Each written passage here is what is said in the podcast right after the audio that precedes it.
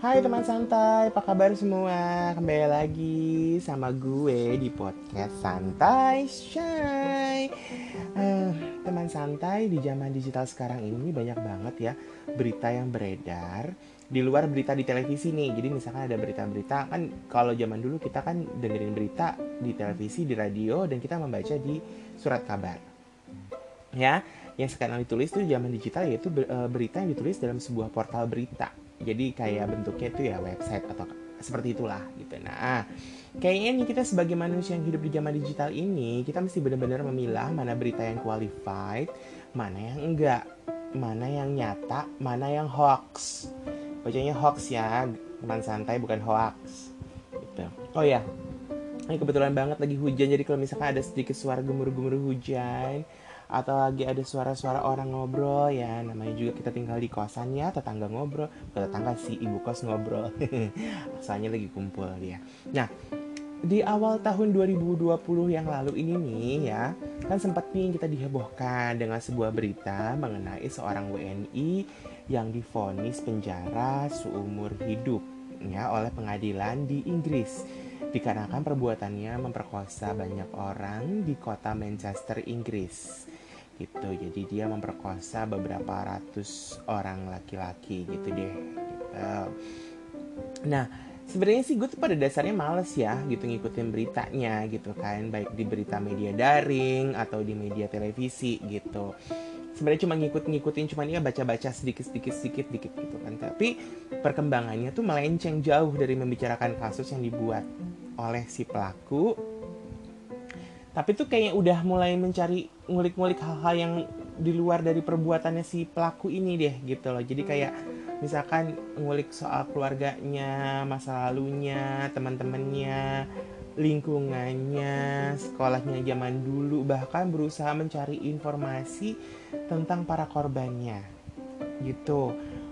Nah kalau menurut gue lo pentingnya apa?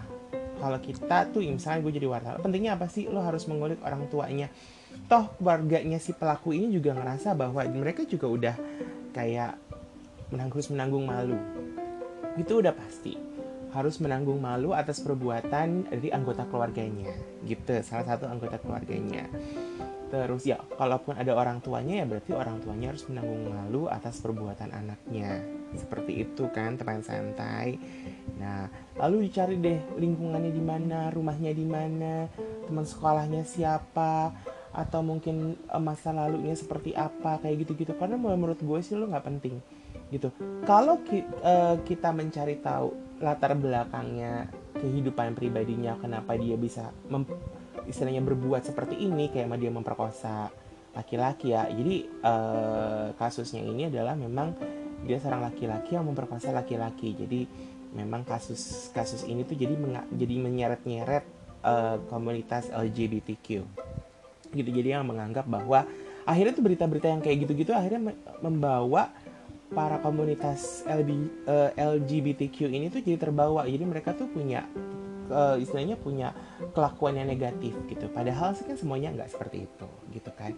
Tapi kan berita yang beredar tuh jadi menjurus-jurus ke arah yang seperti itu gitu. Terus sekolahnya zaman dulu buat apa? Gak ada hubungannya juga emang sekolahnya yang zaman dulu membuat dia menjadi seorang yang seperti sekarang. Menjadi orang psikopat menjadi seorang pemerkosa ya kan?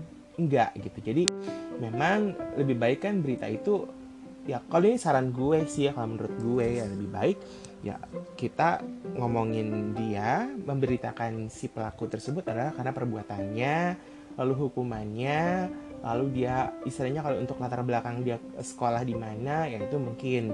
Lalu pendidikan yang telah dia uh, dia dia dia jalani selama dia di Inggris. Lalu bagaimana sih detil-detil perbuatannya? Dan kita juga nggak perlu tahu uh, si korbannya. Karena pastinya korban pasti ada pasti semua korban tuh mengalami trauma ada yang ngerasa bahwa dia nggak pernah ngerasa diperkosa bayangin aja memang ada berita yang menuliskan bahwa korban-korban pemerkosaan itu nggak merasa merasa bahwa mereka tuh nggak pernah sadar kalau mereka tuh diperkosa. Kayak gitu. Itu kan menjadi trauma berat buat si korban. Jadi kalau menurut gue akhirnya memang media itu tidak perlu harus mencari-cari sampai seperti itu gitu. Ya ya udah gitu kan. Sekarang toh kasusnya kan pelaku kan cuman dia doang ya. Jadi gak perlu ada hubungannya sama hal-hal di luar dari si pelaku. Kalaupun keluarganya dicari tahu akhirnya keluarganya terekspos. Yang menanggung malu kan memang akhirnya keluarga gitu kan. Kalau kalian berpikir bahwa ya itu resik ya itu itu itu adalah akibat dari perbuatan salah satu anggota keluarga lo jadi akhirnya keluarga lo seperti itu. Artinya kalian tidak mendoakan yang baik buat orang lain. Ada seorang yang berbuat jahat seorang individu tapi apakah keluarga juga akan berbuat jahat? Kan belum tentu. Jadi kalau kalian begitu tuh kalian tuh kayak ngedoain bahwa ya udah atas satu perbuatan satu orang dalam keluarga lalu keluarga yang lain kena imbas. Memang kena imbas tapi sebagai kita orang di luar dari keluarganya mereka lebih baik kan kita mendoakan mereka. Ya kan? Gak harus kita nyari-nyari kesalahan mereka. Gitu. Sebenarnya wajar sih ya ketika keluarganya itu menghindari media. Jadi ketika itu memang keluarganya menghindari media. Gitu kira mereka nggak mau komentar nggak mau apa ya karena mereka punya kehidupan sendiri kehidupan kehidupan pribadi yang sebenarnya wartawan atau pencari berita itu adalah orang lain yang mengusik kehidupan mereka secara tiba-tiba walaupun salah satu anggota keluarga tersebut melakukan satu kesalahan atau ya istilahnya melanggar hukum kayak gitu. Tapi memang nggak harus pendapatnya gimana pertanyaan soalnya nggak penting guys gitu nggak penting. Jadi teman santai pasti tahu kan. Coba deh tahu kan masalah kasus siapa gitu pasti tahu. Karena ya bagi mereka adalah perbuatan anggota keluarganya yang buat mereka itu adalah masalah pribadi mereka gitu loh kalau menurut gue ya. Jadi kalau misalkan tuh anaknya jadi seorang homoseksual gay atau lesbian atau transgender atau apa dan melakukan tindakan kejahatan ya itu adalah problem dari keluarga mereka. Kalau akhirnya mencuat ke publik adalah ya memang nggak perlulah akhirnya harus mencari tahu atau mengekspos keluarganya sih sebenarnya. Itu sih sebenarnya nggak perlu di Indonesia ya di seluruh dunia juga hampir sama seperti itu. Dan menurut gue media udah cukup deh memberitakan salah berita perbuatannya aja yang melanggar hukum. Jadi nggak usah uh, orang-orang terdekat berkomentar seperti apa sih nggak harus dah kayak gitu loh. Ya kan lalu misalkan orang-orang terdekat nih misalkan ditanya ini kejadiannya ya udah deh terpaksa bisa eh, balik eh, ketemu dengan wartawan gitu kan. Bahwa orangnya tersebut kan religius supel pandai bergaul. Kan menurut menurut keluarganya dan orang terdekat seperti itu ya ramah baik gitu. Kalau misalkan dari salah satu keluarganya berkata bahwa ada juga penyimpangan seksual ya itu urusan mereka. Karena memang mereka mengenal si pelaku lebih lebih lebih dekat gitu kan. Tapi kan pada akhirnya ketika berita itu diangkat hal-hal yang tidak tidak bersangkut pautnya dengan berita utamanya itu ya akhirnya muncul opini publik gitu asumsi-asumsi yang berkembang di masyarakat serta memunculkan stigma nggak enak pada kelompok tertentu yang tadi gue bilang gitu kan. Akhirnya masyarakat Indonesia terbiasa dengan sebuah asumsi yang mereka ciptakan sendiri gitu. Jadi misalkan nonton berita baca berita atau membaca sesuatu yang beredar di di chat room atau di grup chat kayak gitu akhirnya mereka berasumsi sendiri oh ternyata begini begini begini begini begini gitu kan. Akhirnya ya televisi juga akhirnya gitu membawa juga ahli atau seperti apa. Tapi kalau menurut gue seorang ahli seorang ahli seksual sendiri tuh sebenarnya maaf ya seorang ahli seksual sendiri tuh gue tuh agak masih meragukan. Kenapa? Mereka tuh tidak uh, istilah gini mereka tuh kan hanya mempelajari orang lain gitu.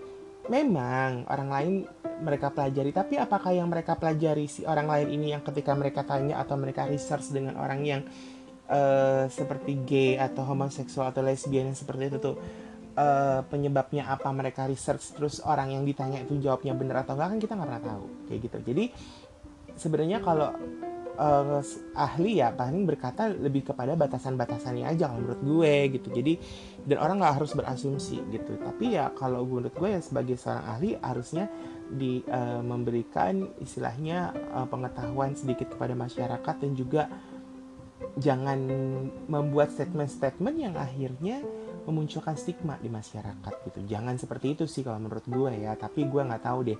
Karena beberapa orang yang pernah gue istilah bukan pernah istilahnya beberapa artikel yang gue baca ataupun acara talk show di televisi yang mengundang para ahli membahas masalah ini tuh ending-endingnya akhirnya memunculkan stigma. Karena si televisi berita televisi ini juga mancing orang gitu loh. Dan uh, ya sorry to say gitu akhirnya itu kayak gorengan ya kan? Gitu. Nah kasus ini tuh sebenarnya di Inggris sendiri aja tuh uh, tertutup. Jadi memang kasus di Inggris ini uh, apa namanya ditutup rapih sama pemerintah Inggris, pengadilan dan juga eh, pihak-pihak uh, yang terkait yang di Inggris ya. Jadi memang ternyata hampir 2 tahun. Jadi ternyata kejadian ini tuh sekitar 2017 apa 2018 gitu. Akhirnya tuh diangkat ke publiknya di awal 2020 setelah si pelaku ini difonis hukuman seumur hidup gitu yang dianggap sebagai tindak kejahatan terbesar, pemerkosaan terbesar di dalam sejarah Inggris gitu. Jadi rapi banget, Inggris tuh rapi banget menutup kasus ini supaya nggak jangan sampai terblow up. Dan sih gue yakin ya, jadi pemerintah Indonesia nih, jadi Kementerian Luar Negeri bahkan dari pihak kedutaan Indonesia di Inggris pun sebenarnya tahu gitu. Cuman memang dari pemerintah Inggris memberikan ultimatum kepada pemerintah Indonesia bahkan Kementerian Luar Negeri ataupun kedutaan besar Indonesia di luar negeri ya konjen atau apa pun gitu bahwa hal ini jangan sampai terblow up baik di Inggris maupun di Indonesia. Jadi memang harus benar-benar ditutup. Karena supaya tidak mempengaruhi satu mempengaruhi Eh, orang-orang uh, yang terlibat di dalam bukan terlibat istilahnya orang-orang yang memang terlibat di dalam penanganan kasus tersebut gitu. Ya jadi kayak uh, ya pokoknya orang yang dalam pengadilan kepolisian gitu kan. Bahkan para korban sekalipun ahli ahli-ahli yang ikut juga terlibat dalam dalam kasus tersebut pengacara dan segala macam tuh pokoknya jangan sampai terpengaruh oleh berita-berita yang tidak mengenakan. Jadi memang benar-benar harus ditutup. Dan uh, apa namanya jadi akhirnya berita itu tuh benar-benar benar-benar gak ada yang ketahui gitu loh. Dan akhirnya heboh di awal 2020 bleng setelah pelakunya difonis hukuman seumur hidup. Gitu karena ya memang itu tadi gitu kan. Maksud gue di nggak perlu di Indonesia sih di luar negeri juga ada ada budaya yang membuat asumsi ya. Jadi karena masyarakat itu kan nggak semuanya mengetahui tentang satu bidang gitu kan. Kita kan juga diciptakan sama Tuhan kan dengan kepintaran sendiri gitu tersendiri. Istilahnya bukan satu kepintaran yang memang kita bisa pintar semuanya gitu enggak gitu. Jadi memang e, benar-benar harus hati-hati banget gitu untuk untuk e, menyimpan kasus tersebut supaya jangan sampai ada asumsi publik lalu ada reaksi yang tidak diinginkan atau segala sesuatu.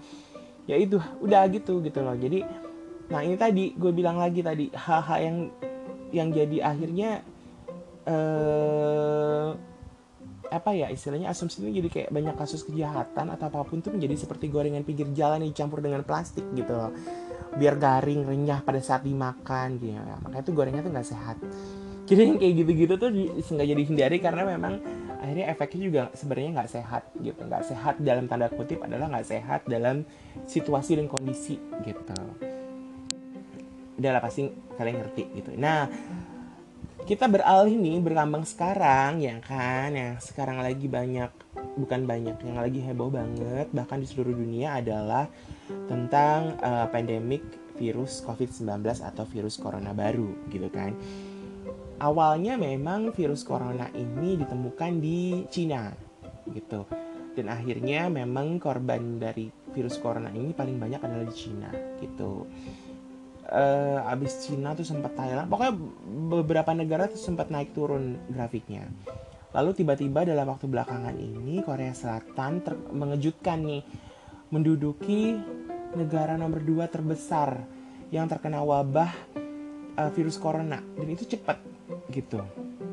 Cepat banget dan gue dengernya adalah itu terjadi karena salah satu pasiennya itu nggak mau ngecek ke dokter dia nggak mau mengakui kalau dia sakit apa dia pernah keluar negeri atau dia pernah bersentuhan dengan orang yang dari luar negeri ya gitu atau gimana.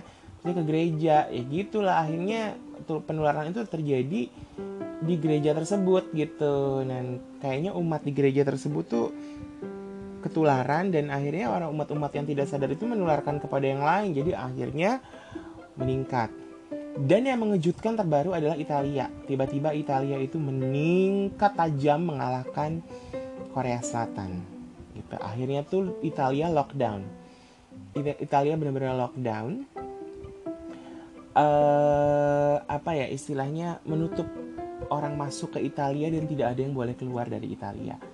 dari beberapa foto yang gue lihat di sosial media memang menunjukkan bahwa kota-kota di Italia, kota-kota wisata bahkan seperti Vienna, Roma gitu-gitu atau kon Milan kayak gitu tuh sepi gitu. Jadi benar-benar orang tuh di rumah semuanya. nggak ada yang berani keluar kayak gitu. Nah, uh, apa namanya? Um, dan akhirnya yang selama ini kita merasa bahwa Indonesia tuh aman. Karena Indonesia tiba-tiba nggak ada yang bukan tiba-tiba. Indonesia tuh tidak ada yang terkena virus corona. Dan tiba-tiba di Indonesia akhirnya ada yang kena gitu. Uh, gue nggak ya istilahnya memang kita nggak tahu siapakah tapi uh, di seluruh dunia memang menyebutkan bahwa pasien yang terkena itu yang terkena pertama sampai kedua dan berikutnya itu dengan nomor gitu Nah pasien 1 dan 2 tuh awalnya diduga positif dan akhirnya menjadi positif kan? Dan menjadi pemberitaan yang luar biasa menghebohkan di Indonesia. Ada dua orang kena kayak gitu. Dan tanpa disangka pasien bertambah setiap harinya nih. Hingga hari ini pun bertambah terus. Bahkan ada yang meninggal juga gitu kan. Lalu lalu sempat tuh timbul kepanikan yang cukup menghebohkan. Karena ada beberapa informasi bahwa ada orang yang orang-orang yang memborong bahan baku makanan hingga memborong masker dan hand sanitizer. Itu harga masker bisa sampai 300 ribu gitu kan. Itu juga gue nggak ngerti gue baca dari beberapa informasi yang gue lihat di media daring dan juga grup chat ya gitu. Adalah foto-foto yang orang pada belanja seperti itu. Jadi agak jadi panik gitu. Tapi ada sebagian orang yang santai aja gitu. Tapi memang uh, masker tuh jadi agak langka kayak gitu dan hand sanitizer juga jadi agak langka. Dan yang apa namanya uh, muncul deh yang tadi gue bilang. Gorengan pinggir jalan akhirnya muncul. Jadi berita hoax muncul nih ya. Dari gara-gara uh, kasus uh, virus corona nih muncul dia berita hoax.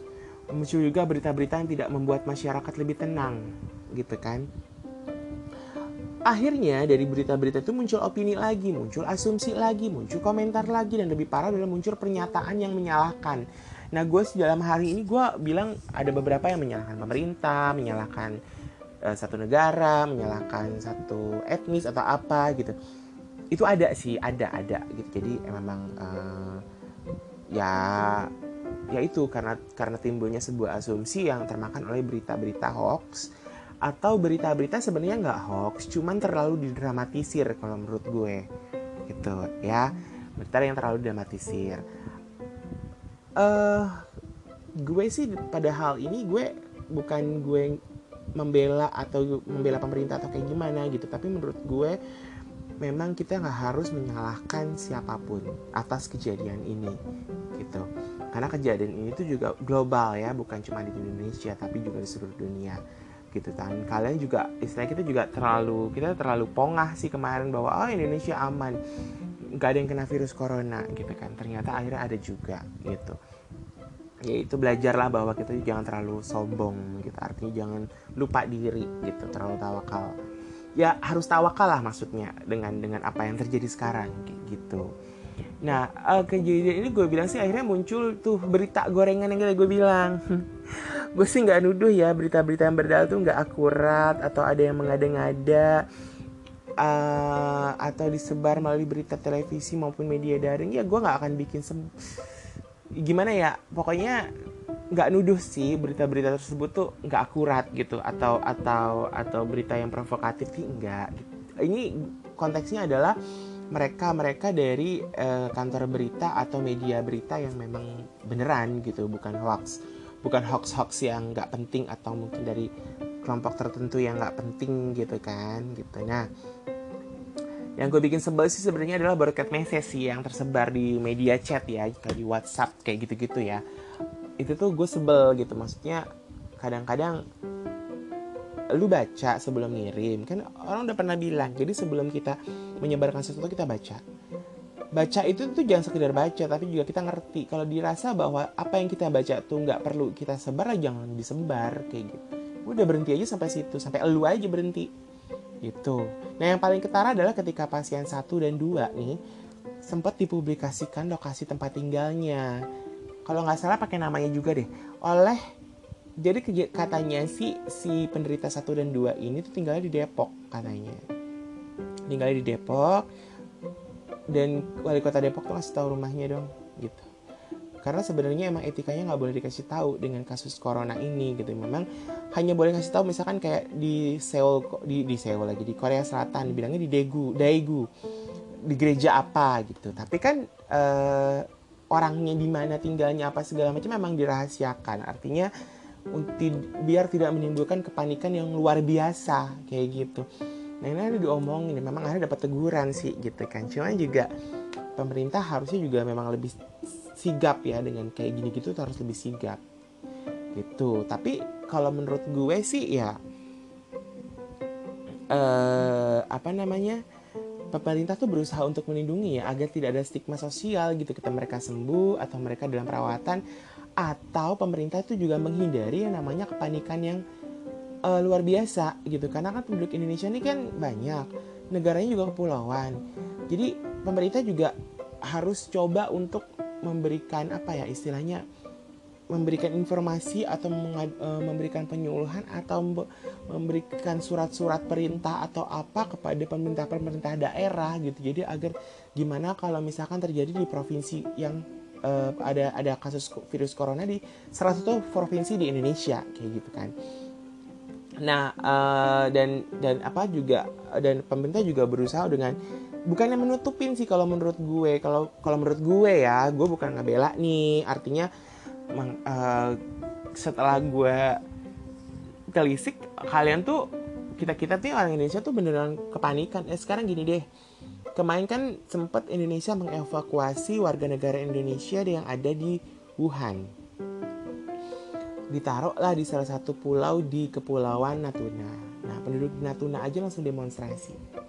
Gitu karena takut tertular apa segala macam bla bla bla bla bla bla bla. Padahal kan mereka sebenarnya untuk diobservasi selama dua minggu yang 14 hari apakah mereka ada yang terinfeksi atau positif atau enggak. Kalau memang enggak ada kan ya udah aman gitu. Nah, menghindari yang seperti itu gitu loh. Jadi kalau men ya menurut pandangan gue sih seperti itu ya jadi pemerintah tuh bukannya lambat atau dia tuh berpikir gimana nih caranya supaya tidak ada kepanikan uh, di di Indonesia gitu karena orang-orang Indonesia tuh paniknya luar biasa ntar udah kepanikan ada yang ngehujat, ada yang berasumsi, ada yang beropini, ada yang bikin komentar apa-apa, ina ini, ina itu gitu kan yang akhirnya menimbulkan kepanikan yang lagi kayak gitu.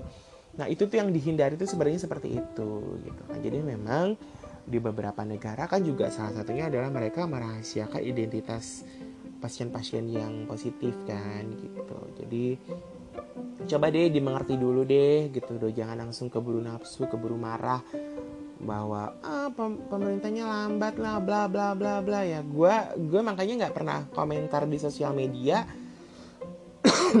mengenai virus corona dan gue lebih kepada eh teman-teman yuk jaga kebersihan yuk teman-teman cuci tangan yuk teman-teman jaga kesehatan. Yuk teman-teman kita juga saling saling berdoa mendoakan untuk kita supaya sehat baik-baik aja supaya masalah ini berlalu. Lebih kayak gitu aja sih gue nggak mau kritik soal pemerintah atau apa gitu karena supaya tuh nggak ada kerusuhan kayak gitu loh. Nah ini kan gue tuh lagi ngebahas ya itu tadi gitu. Ini adalah mengenai analogi analogi gorengan ya. Istilahnya yang gue bicarakan ini analogi gorengan kalau melihat dua kasus di atas tadi ya tentang WNI yang dihukum seumur hidup karena memperkosa beberapa orang beberapa ratus orang ya nggak nyampe 200 sih seratusan orang eh, laki-laki uh, di Inggris dan juga virus corona memang berbeda sih sebenarnya. Namun keduanya tuh bisa jadi lahan gorengan gitu.